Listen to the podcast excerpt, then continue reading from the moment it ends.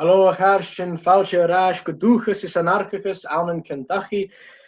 Amíon seo choéis an uramach Justin Caleb Graves agus bí sinne broin mu dhéon anarchachas uh, agus well an eglis uh, anarchachas an an eglis an an doréú, agus eh, uh, kimar a vis sin a goper, kimar a vis an dachuid a gopere richhéle.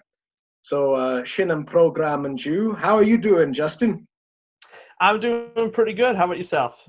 Doing all right. I'm very glad that you could be here. And uh, I just wondered if you could tell a little about yourself. You are an anarchist and a Christian minister, are you not? That's correct, yes. I'm ordained in the Cooperative Baptist Fellowship uh, for coming up on two years now. Well, that's wonderful. And how did you begin your journey with, uh, well, anarchism and with Christ? Are they the same journey? Uh, they they haven't been the same journey per se, but they've led to a similar place. Uh, I was brought up in the independent fundamentalist Baptist movement, uh, which, for people that don't know, is a extremely conservative, uh, some would say a cult uh, sect of Christianity that primarily exists in the South, but has some legs out in the Midwest as well. Um, and both of my grandfathers were preachers in the movement. Uh, my dad was head of the deacons of my church for years. My mom musically served at the church all the time. So I was brought up extremely religious, but in a very, very conservative, fundamentalist, uh, very xenophobic to anything outside of the cult way of looking at the world. Um, you would describe it as a cult then?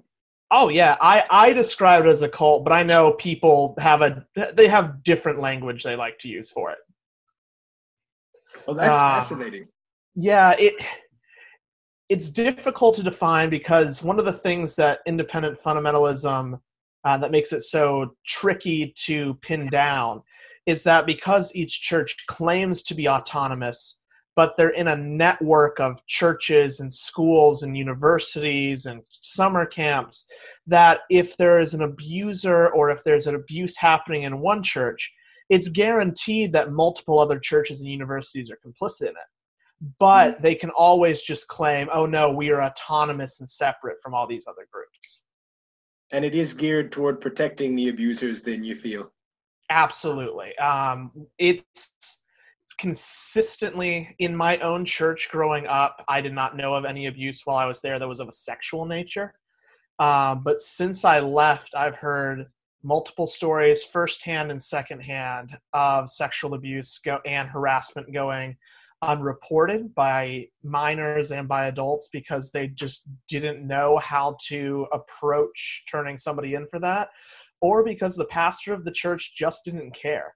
Um, I I don't know of any people, uh, any minors directly. Otherwise, I would have to report that. But I do know friends who have family that that's happened to them. Well, that's horrific. Um, how did you get out of that environment? Because from what you were saying earlier, it seems like you were pretty well indoctrinated. Uh, I was very, very well indoctrinated in it. Um, I had planned on going into the ministry in that same sect. Um, but my senior year of high school, uh, I ended up going to community college as a dual enrollment program. And for the first time in my life, really, I met people on a relational level, not as me trying to convert them, who were very different than me. Uh, I met people who were Eastern Orthodox. I met people who were Catholic. I met people who were Muslim and atheist and Jehovah's Witness. And I realized that the world was a lot bigger than I had given it credit for. And uh, one of the things that I remember most strongly was staring out my window one Friday after school. And it is drilled into your head in IFB that those who live outside of the cult cannot have true happiness. But as I stood looking out the window, I realized just how unhappy I was. And by the other direction as well, all these people who did not exist in the cult were very happy, much happier than I was. And it was just this moment after um, taking geology classes, history classes, meeting new people, where I realized that a foundational emotional truth, even if I it wasn't an intellectual truth to me, just didn't add up anymore. It, it didn't make sense to continue in IFB if it just wasn't true. Wow. So really a sort of earth-shaking revelation for you in your faith. How did you retain your faith in God? What made it specifically the the cult that you decided to reject rather than religion as a whole? Um, a little bit later on in that, um, as a lot of people who leave evangelicalism or fundamentalism call it deconstruction. Um, later in that process, I started reading a lot of historical critical books of the Bible by primarily atheist and agnostic scholars. Um, but they held a high value to the Bible, even if they didn't give it divine value. Um, so I still find the, found the Bible fascinating and entertaining, and to have some sort of quality to it that I still wish to study. Um, so I ended up going to school at Colorado Christian University. It's uh, even conservative evangelical, but not part of IFB. Um, and while I was there, I got a degree in Abrahamic languages and I got a degree in theology. Um, and just spending so much time in the Christian tradition, even if I didn't agree with what was being said, uh, really drew me back to it in a largely mystical sense. Um, but also at some point, I had to realize that I had begun to pray again and that I had actually begun thinking something important was happening when I took the sacraments at the local Episcopal Church and I, I had to really admit to myself that I still believed in God and I needed to figure out what that meant for me. Wow, so a massive journey then. Yes, definitely. It's been something that's continuing even to this day. Do you feel that your faith is stronger and more meaningful to you for having undergone that transition? I think it's more what's the right word for it? I think it's more realistic. Um, that the experiences I have and the faith that I have isn't something more than I isn't something more than it actually is. In fundamentalist culture, it's all about bigger and better and louder. Um, that your faith is the strongest that it could possibly be because you have the truth. Um, but having faith now, I think it's more resilient, even if it's not as loud and, and boisterous. Um, but it's definitely something that I foresee sticking around for probably the rest of my life. Do you think that evangelical faith, then, in your experience of it within that specific denomination you were raised in, was a fairly fragile thing? Do you think it's only all of them congregating and constantly reinforcing it that keeps it going? I I really do think that not only is that the case, but that they know that's the case. Um, that a lot of leaders within evangelicalism, in particular, um, are aware of the fact that it only takes a few voices that disagree with them to actually start to change the status quo. And that's why, especially in universities, what's allowed to be said in classrooms is controlled um, the types of professors are controlled, um, that there are strict, very well worded statements of faith, because evangelicals absolutely recognize that just one or two people who have a strong voice can start to change a lot of people's minds simply because a lot of people in evangelicalism and fundamentalism have never heard of a lot of concepts before that are outside of their own experience.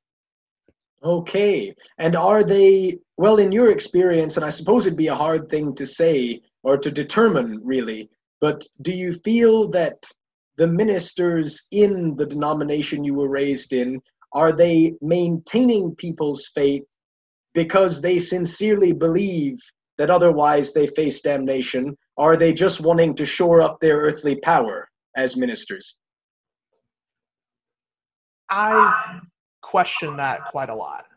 Um, I think there are good ministers that I've met who are simply terribly misguided um, and don't really understand the harm that's being done.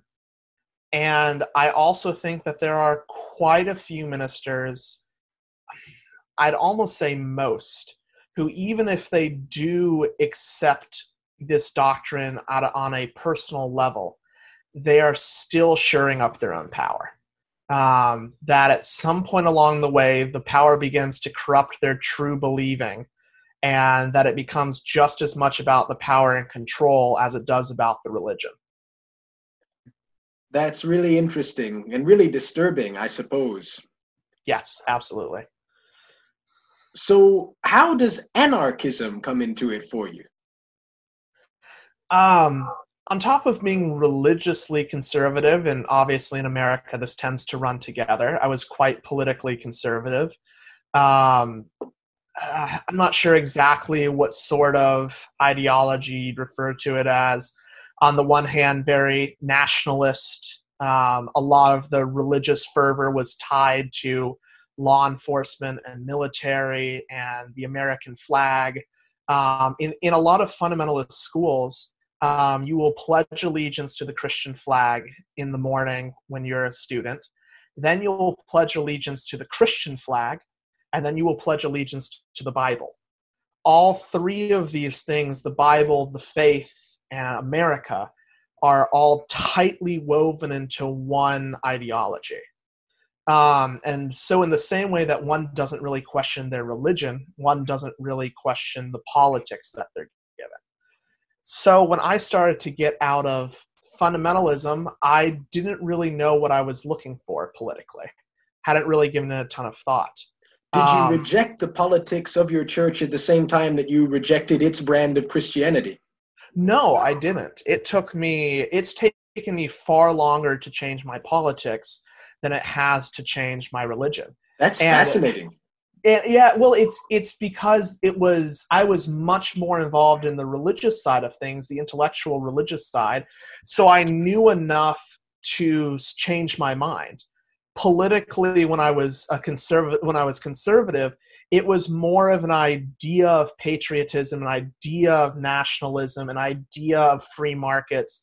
But the actual um, the actual belief system that I held was very loose and far more based around emotion, which is where nationalism finds a lot of its uh, roots, than it actually was about a well thought out politics, or if you can call it that, like you'd find with Ayn Rand or somebody like that. Um, so I, it really took me until within the past couple of years that I got out of college. I really started doing ministry with people at protests in the streets, in homeless communities.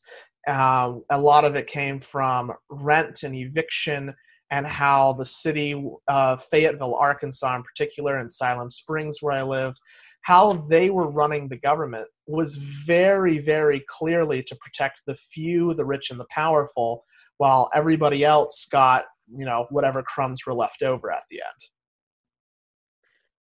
And that's an interesting thing to observe that that, you know, based on your experience was very much how things were occurring in terms of the government.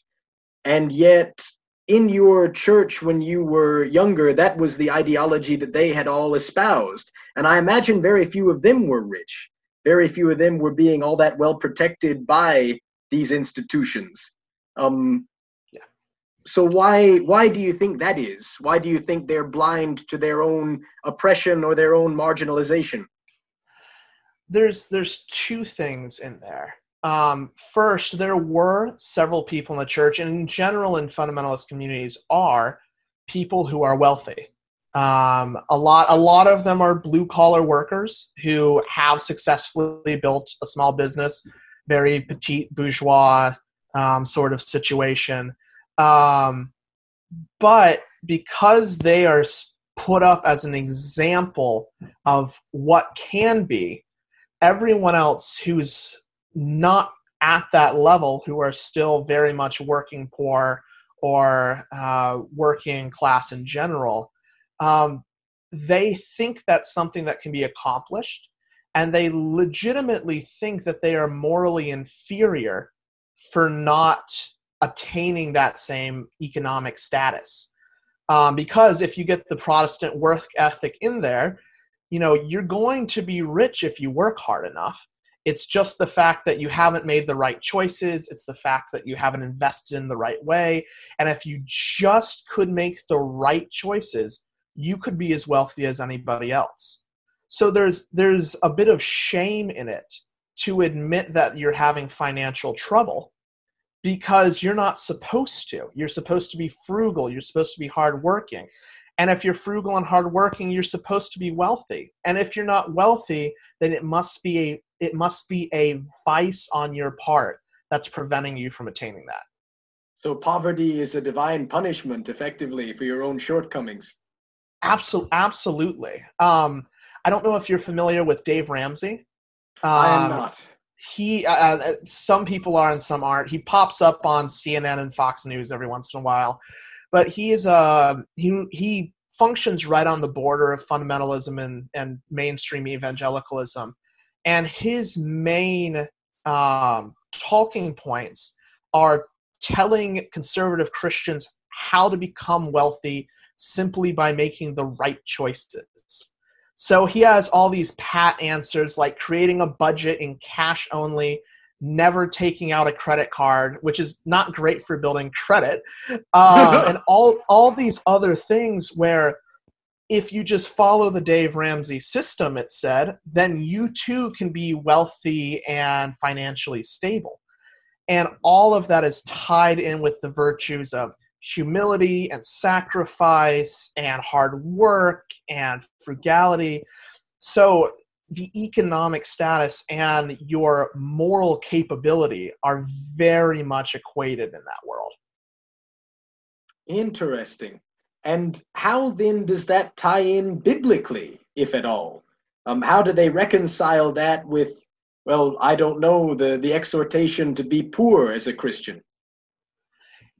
Um, a lot of it, the passages that I heard the most growing up, and this is just my experience, it might be different with others, um, has been that the Proverbs are especially held up as something um, especially inspired, or or perhaps because they're such an easy read, something that your average parishioner can actually understand.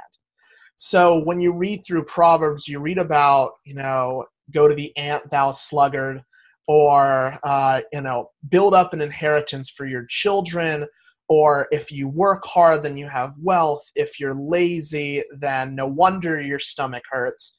That the slothful man turns on in his bed like a door on hinges.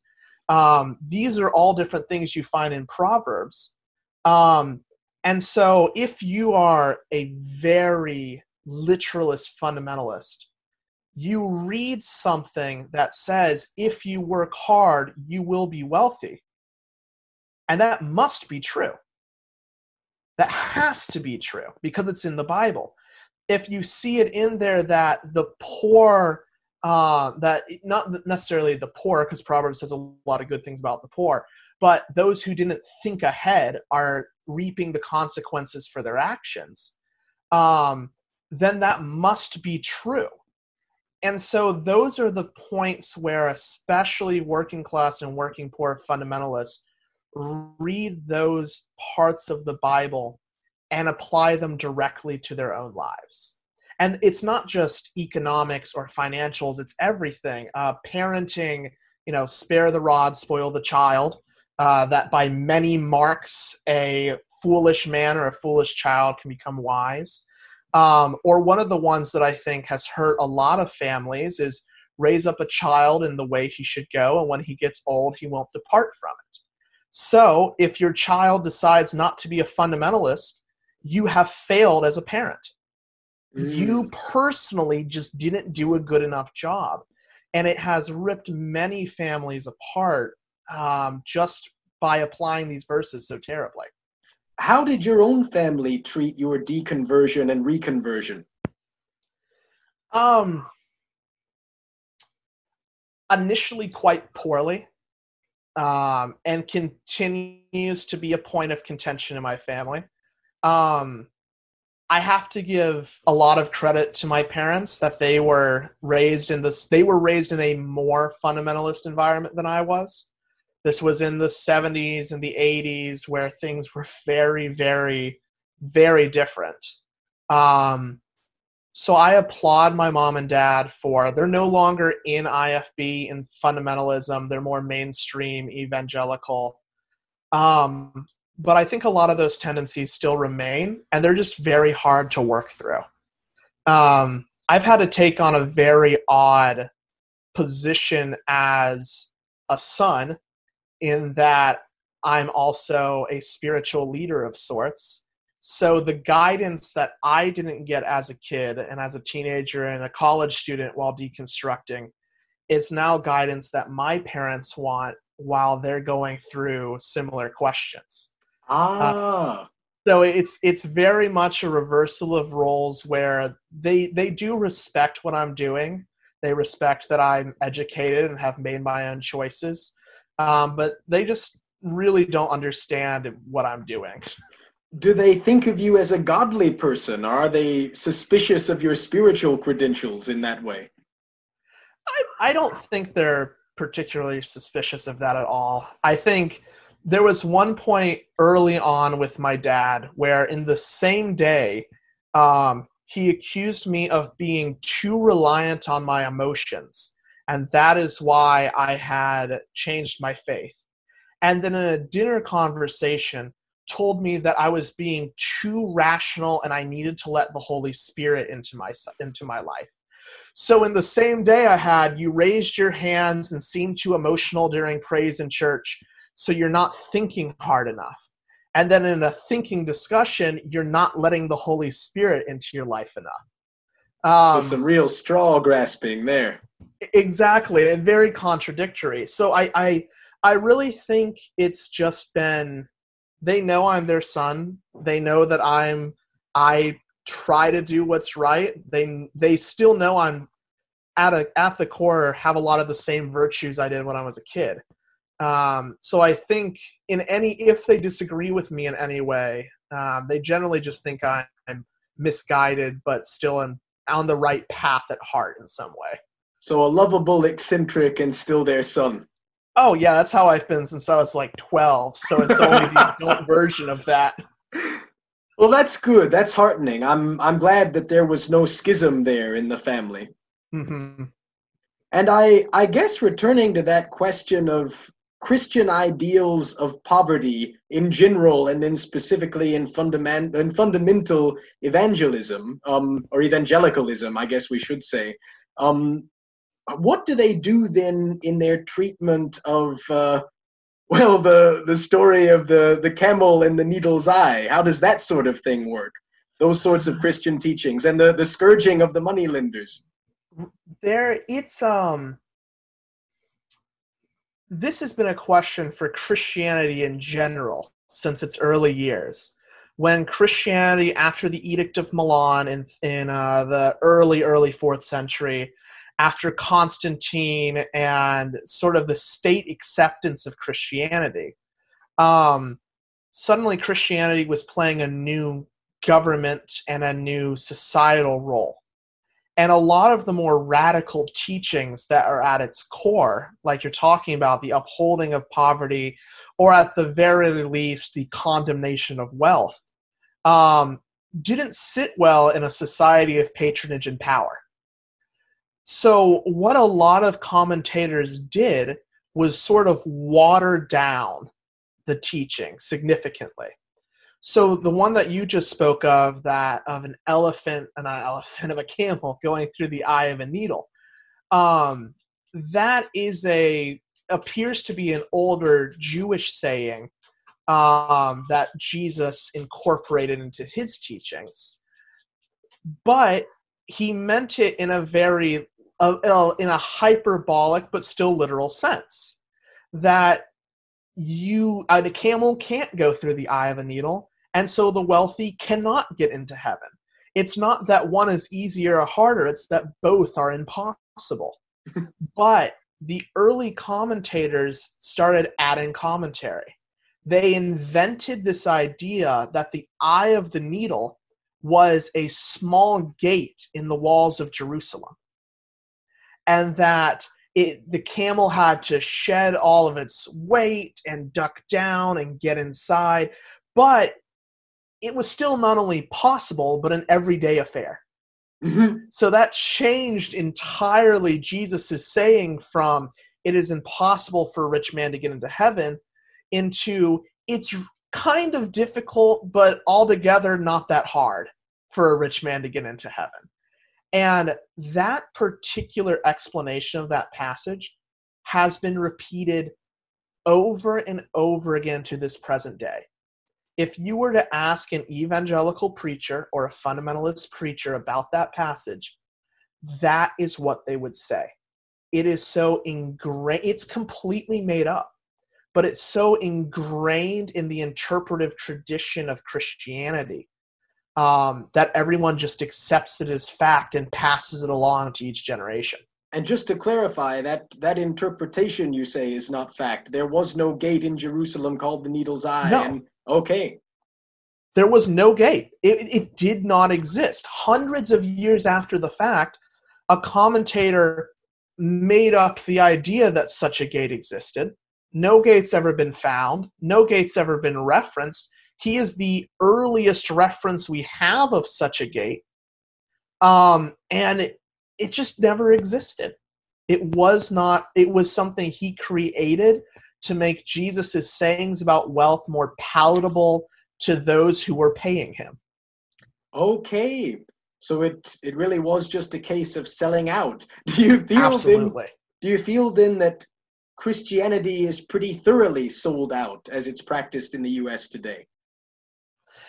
In the US today, um, well, that question reveals something, I think. Um, and it is the fact that Christianity has been so equated to um, white Christianity that they're one and the same um, when I hear people talk about Christianity in the public sphere, they almost always mean either either the white ivory tower mainline denominations in New England, or they mean the hodunk Southern Baptist evangelical denominations of the South and Midwest. Um, so I think I think that white Christianity in particular has absolutely sold out but I think that especially Christianities from people of color, uh, Black Christianity and its roots in the civil rights movement and liberation from slavery, um, a lot of Catholicism from immigrants from Central and South America. Um, that is where new Christianities that haven't been sold out I think that's where the soul of Christianity can still be salvaged for America. Well, that's a powerful statement. So, what denominations have that soul, and uh, how can we tap into it? Oh, there's. I'll say this. It's complex. I don't think you can look at any denomination nowadays and say that one that denomination has not sold out. Um, I think it absolutely is on a case by case basis where you see who is this person listening to who the the pastor or the congregation who do they preach in the same tradition as is it more of in, in black churches is it more of a james cone tradition or a um, very much a civil rights tradition, or is it whitening the black church? Where uh, what's an example? Booker T. Washington, um, where he's held up in white American Christianity as this very good, would never do anything wrong, accepted the public social norms, and just said that's the way it has to be. Um, so I'm not sure I can point you to a denomination. I'm part of CBF, Cooperative Baptist Fellowship. This is clearly what I believe the the anti-consumerism, anti-capitalist, anti-white Christianity but my denomination is only a moderate denomination. Um, most of the churches, 99 out of 100, would probably never hire me because of what I'm saying. Really? Um, In your own denomination? Yes, ab- absolutely. So I, I think it's changing. It's a very young denomination, and a lot of people are more comfortable with this. Um, but I think that if you're interested in finding a good church, if that's something you're truly searching for, you're going to have to go church by church in your city, looking at their website, emailing their pastor to ensure that it's a church worth going to. Um, it's hard work, but I, I think it's going to have great fruit in the next 10, 20, 30 years. So you think that uh, Christianity in general in America isn't uh, on the ropes just yet? It uh, it can find its roots and revive. Yeah, I think absolutely. As long as it is, as long as it remembers that it's a minority. Christianity in its best state is a minority faith. So I hear a lot of there's some very good denominations out there, Evangelical Lutheran Church of America, that has its problems, but more often than not is filled with great churches. Um, but they are shrinking rapidly. The numbers show they'll disappear in the next 30 years. But the pastors that I talk, have talked to in that denomination think that's a good thing when they are the minority voice, when those who are at their church want to be there, they want to change their city, they want to help the poor, then as Jesus talks about the tearing away of the wheat from the chaff, the good people willing to put in the work to figure out their practices and their orthodoxy to change things, um, they're going to still be there so I, I think we're in that process right now where Christianity in America is going to drop. It is going to nearly disappear like it did in Europe. But those who are left, I think, are going to be much more authentic to the Christian tradition that goes back to Christ than we're seeing right now.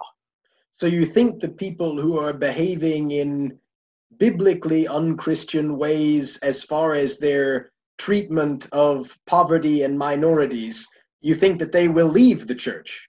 Yes, I think they're there. Like we were talking about with fundamentalist pastors, I think when the power is no longer there, the, that those sorts of people will no longer be there either. Okay. Um, when Christianity in a lot of churches still has power, obviously we see that with the current administration. Um, and i think that's why so many white evangelicals support trump is that they're really after that power. Um, and so when that power disappears and it will do so in one or two generations the only people who will really be left are those who are willing to make the sacrifices necessary to live a true christian life Okay, that's really interesting, and that's not a viewpoint that I often hear. Um, mm-hmm. Um, a lot of a lot of people, especially the ones in the mainline denominations, really any any Christian denomination that does have social hegemony still, um, a lot of them seem to be really terrified of losing their power and really terrified of being persecuted, even as they try to wield the rhetoric of persecution. Um, so that's that's interesting that you would welcome it. Yes, absolutely. Um, and I will say one of the things you see mainline churches, uh, Episcopalian, Lutheran, a lot of Presbyterian, some Baptists, and then the more conservative evangelical Southern Baptist Convention, um, people like that. The Southern Baptist Convention, in particular, has long held up these more progressive and liberal mainline churches of examples of what happens when you take the more quote unquote liberal path. That their numbers drop and there's fewer of them and churches close. But clearly, since the Southern Baptists have lots of members, God, again, if you do right, God will bless you. Obviously, God is keeping the Southern Baptists strong because they're doing something right. But we're starting to see that fail, clearly fail, where the numbers of the Southern Baptist Convention and other evangelical groups were held up by late 20s and 30 somethings who are having families now going to a church because they think religion should be an important part of their child's life. With younger millennials and Gen Z starting to take that role, that's not happening anymore. You no longer see all these 20 and 30 somethings going back to church. And that has, especially the Southern Baptist Convention, terrified because they're starting to realize the very thing they held up as a mark of failure is about to happen to them too. So they either need to get their program together and have something worth offering besides discrimination, or they're going to disappear just like any other denomination in America right now. That is fascinating. And how did that happen again? You say that about the only thing they have to offer is discrimination. How did white Christianity in America become so racist? So, um, I'm Baptist, so I'm going I'm going to hold on to the Baptist part of that and tell that story which it's different for each denomination. But Baptist is one of the largest in America and I think it has a story that exemplifies generally what happened. Um, the northern part of America, the Baptists there, who are now largely American Baptists, not Southern Baptists is their denomination, um, they were against slavery. Um, but as you went prior to Civil War, obviously, then when you went down south, the Southern Baptists were very strongly in support of slavery. And one of the big things that um, that split the Baptist Church in half was that a Baptist mission board, as missions became more popular in the 19th century, had to make a vote. Um, they had to vote on whether or not they would allow missionaries who owned slaves to go out and be funded by the Baptist church. The Northern Baptist said, absolutely not, that's abhorrent. The Southern Baptist said, well, no, slavery is an institution from God, and so we will uphold it. So that is the main thing that's split between Northern Baptists and the more populous Southern Baptists. And since that happened, that happened with a lot of other denominations too, where Northern tended to be against slavery or against segregation. Southerns tended to be pro slavery and pro segregation. So in the South, it became its own little bubble it didn't have these progressive or liberal sounding voices from the north telling them what to do anymore it didn't even have them offering their input instead they were just in an echo chamber of the people who had power being the white people telling themselves what was true and what was right and how churches should be and were they already, you know, operatively and decidedly racist at that point, or was slavery for them strictly an economic question? Oh no, it was very it was very clearly racist. Um, I, I read this great book. I wish I could remember the author. I didn't know we'd be going this direction. Otherwise, I would have found it again. Um, who wrote about the Baptist history in Arkansas, which is where I lived before moving to North Carolina again. Um, and he wrote about how Baptist churches allowed white Baptist churches allowed black people to become members but they had to sit outside the church house on the ground under the window where the white people couldn't see them if they wanted to listen to the sermon. Wow. And he rec- he records this one sermon where the preacher uses a racial slur to talk about the people sitting outside the window on the ground and to go on about how how this is their lot in life and this is what God wants. So already this is a church that has very much lost its way on matters of race. How then before the Civil War had the had Christianity become racist in the South? So or is it an easy question to answer? I, I I'd pull an example. Um, this is Catholic because obviously a lot of the early explorers were Catholic. Um, but Cabeza de Vaca is a wonderful 16th century explorer who was a Christian, a Catholic, and he was stranded in the Americas, spent a lot of time with the indigenous peoples, learned their languages, learned their way of life for years before he interacted with with uh, people from Europe again. And he has this beautiful passage about that interaction that has stuck with me since I first read it five years ago. Um, he said that the indigenous Americans came up to him and did not believe that he was of the same people group as the conquistadors. They said, "You came, you know, you came from the sunrise, they from the sunset. You heal the wounded, they injure the sound. You free the enslaved, they enslave the freed." And the last passage is, "I could not convince them that I was of the same people as the Christian slavers." the way that this Christian man acted compared to those with swords and shields and armor was so radically different that not a single indigenous person he tried to convince believed he came from the same people group. And I, I think that's something we see for Christianity all through American history. You have a very, very vocal minority who um, support ideals like anarchism and equality and freedom of religion and abolition, but it is primarily those in power, primarily those who were willing to work inside the social norms that silence their voices, but also are the ones we hear today. We don't read Cabeza de Vaca as much as we read about Christopher Columbus. We don't read someone like a, a, a wonderful person named the uh, public universal friend was a non-binary quaker who was a preacher in new england an abolitionist believed you should sell all that you hold and give it to the poor. We don't hear about them.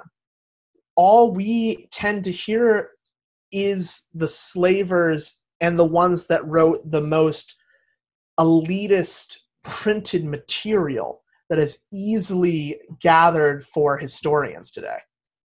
And I suppose which doesn't upset the elite. Yes, exactly. And and I, I will say I think it goes both ways.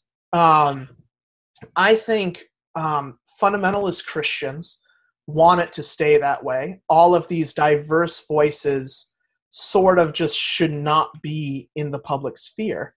But at the same time, I think a lot of, especially left leaning people, do the fundamentalist job for them when they also hold up these racist, elitist, classist oppressors as who Christianity is. So I, I think one of the things that I, I wish in especially left, left politics would happen more is that the voices of people who weren't in power would be lifted up. Um, and unfortunately, that often doesn't happen. We end up just reading, you know, we end up just reading, especially in more authoritarian communities, you've got Lenin or Marx or Castro, and those are who you know, and not the individual people who built clinics or took care of people or were willing to break with their church or with their tribe or anything else to stand with the people. That's really fascinating. And they always do say that it well that history is being written by the winners. Mm-hmm. And I suppose that, you know, that that's equally true of the powerful. Had they not won, they wouldn't be powerful. Yep. And uh, yeah, I I think that that's a real shame. And hearing hearing just how far back the the racism in white Christianity goes.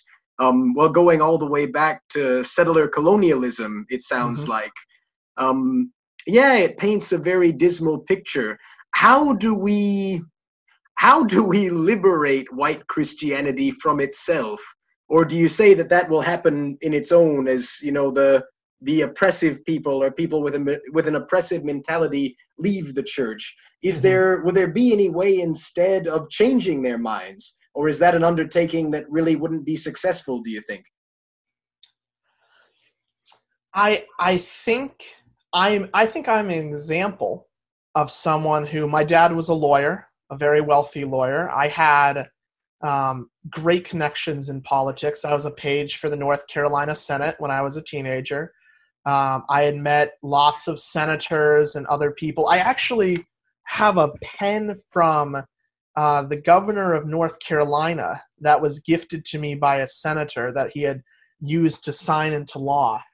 Um, so I, I think I'm an example of, especially if you start early on with teenagers and young adults, um, they don't have capital at stake. They don't have jobs at stake it's much easier to listen to um, it's much easier to listen to new ideas and be willing to accept them when you're when your family that you have to feed isn't on the line. Um, so I, I think it's possible but i also think it's going to take um, coming alongside people who want to leave and offering them support offering them they a lot of these colleges for fundamentalists and some evangelicals aren't accredited. Their degrees are useless. So if you try to get a job with these degrees outside of the fundamentalist world, it's like you never went to college. And in many ways, it is like you never went to college. So wow. I, I, it is and it is especially for working class and working poor fundamentalists. It's going to take class solidarity and an awakening of class identity in them to to really realize what is wrong and also to pull them out of where they're being exploited and give them a new direction where they don't have to desire to become the oppressors. They that's not the only path for them to take.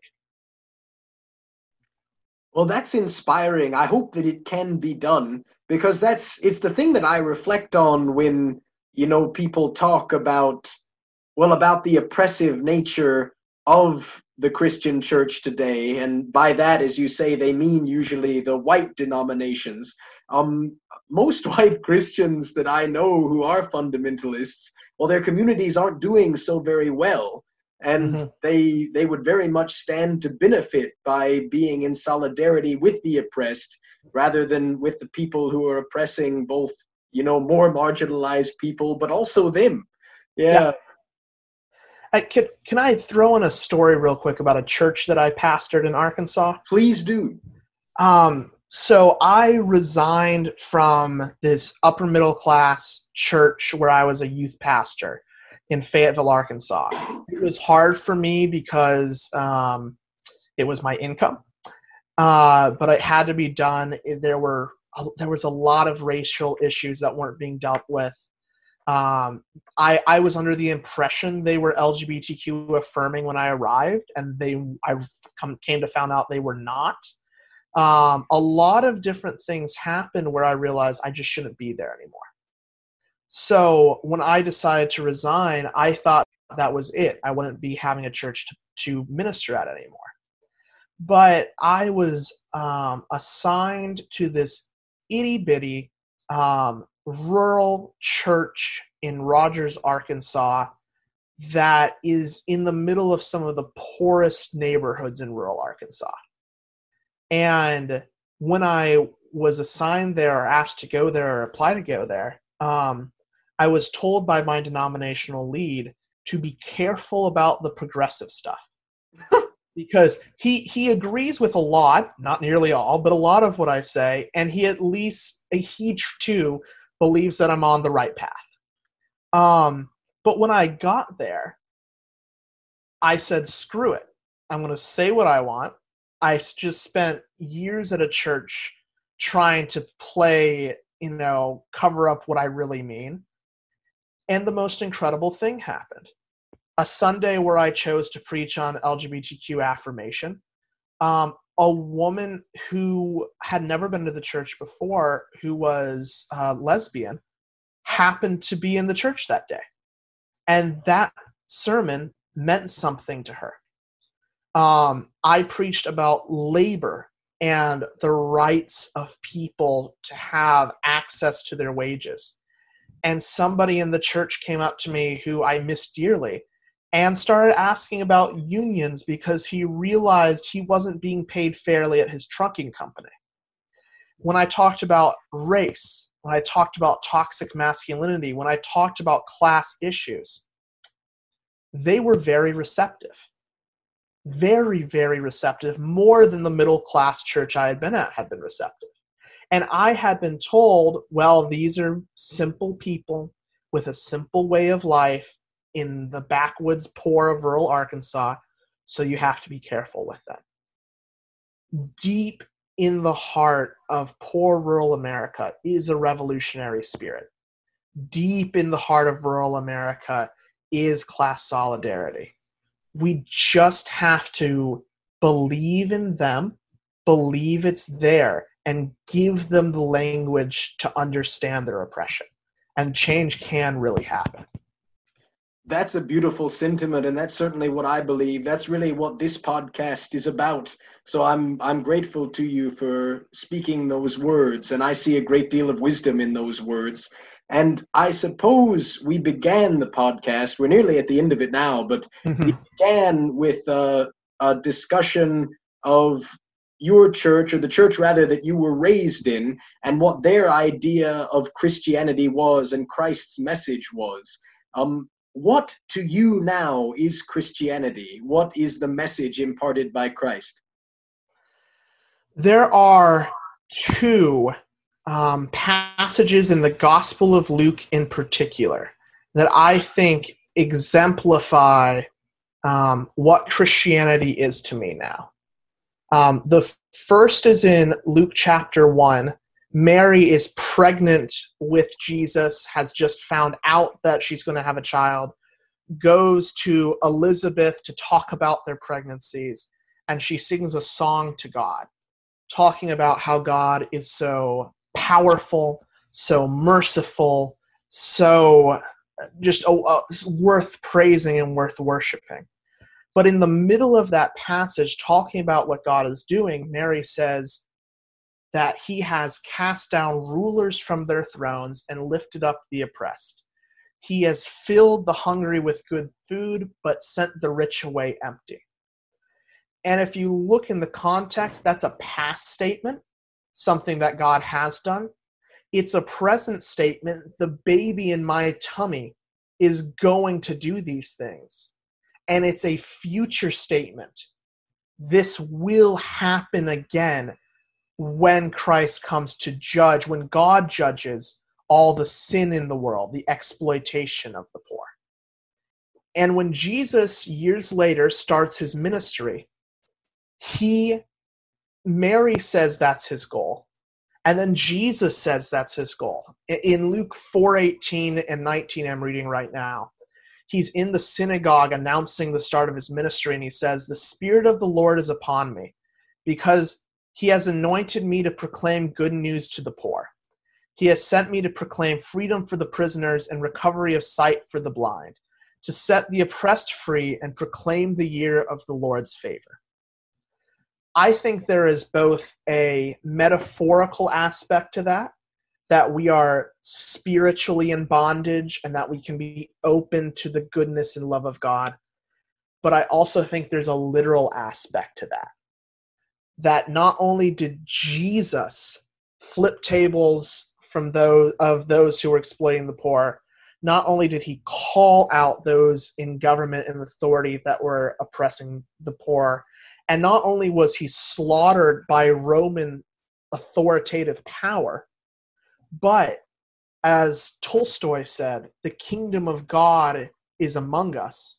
That's something Jesus said that Tolstoy picked up on being an anarchist that what Jesus's goal was is now our own.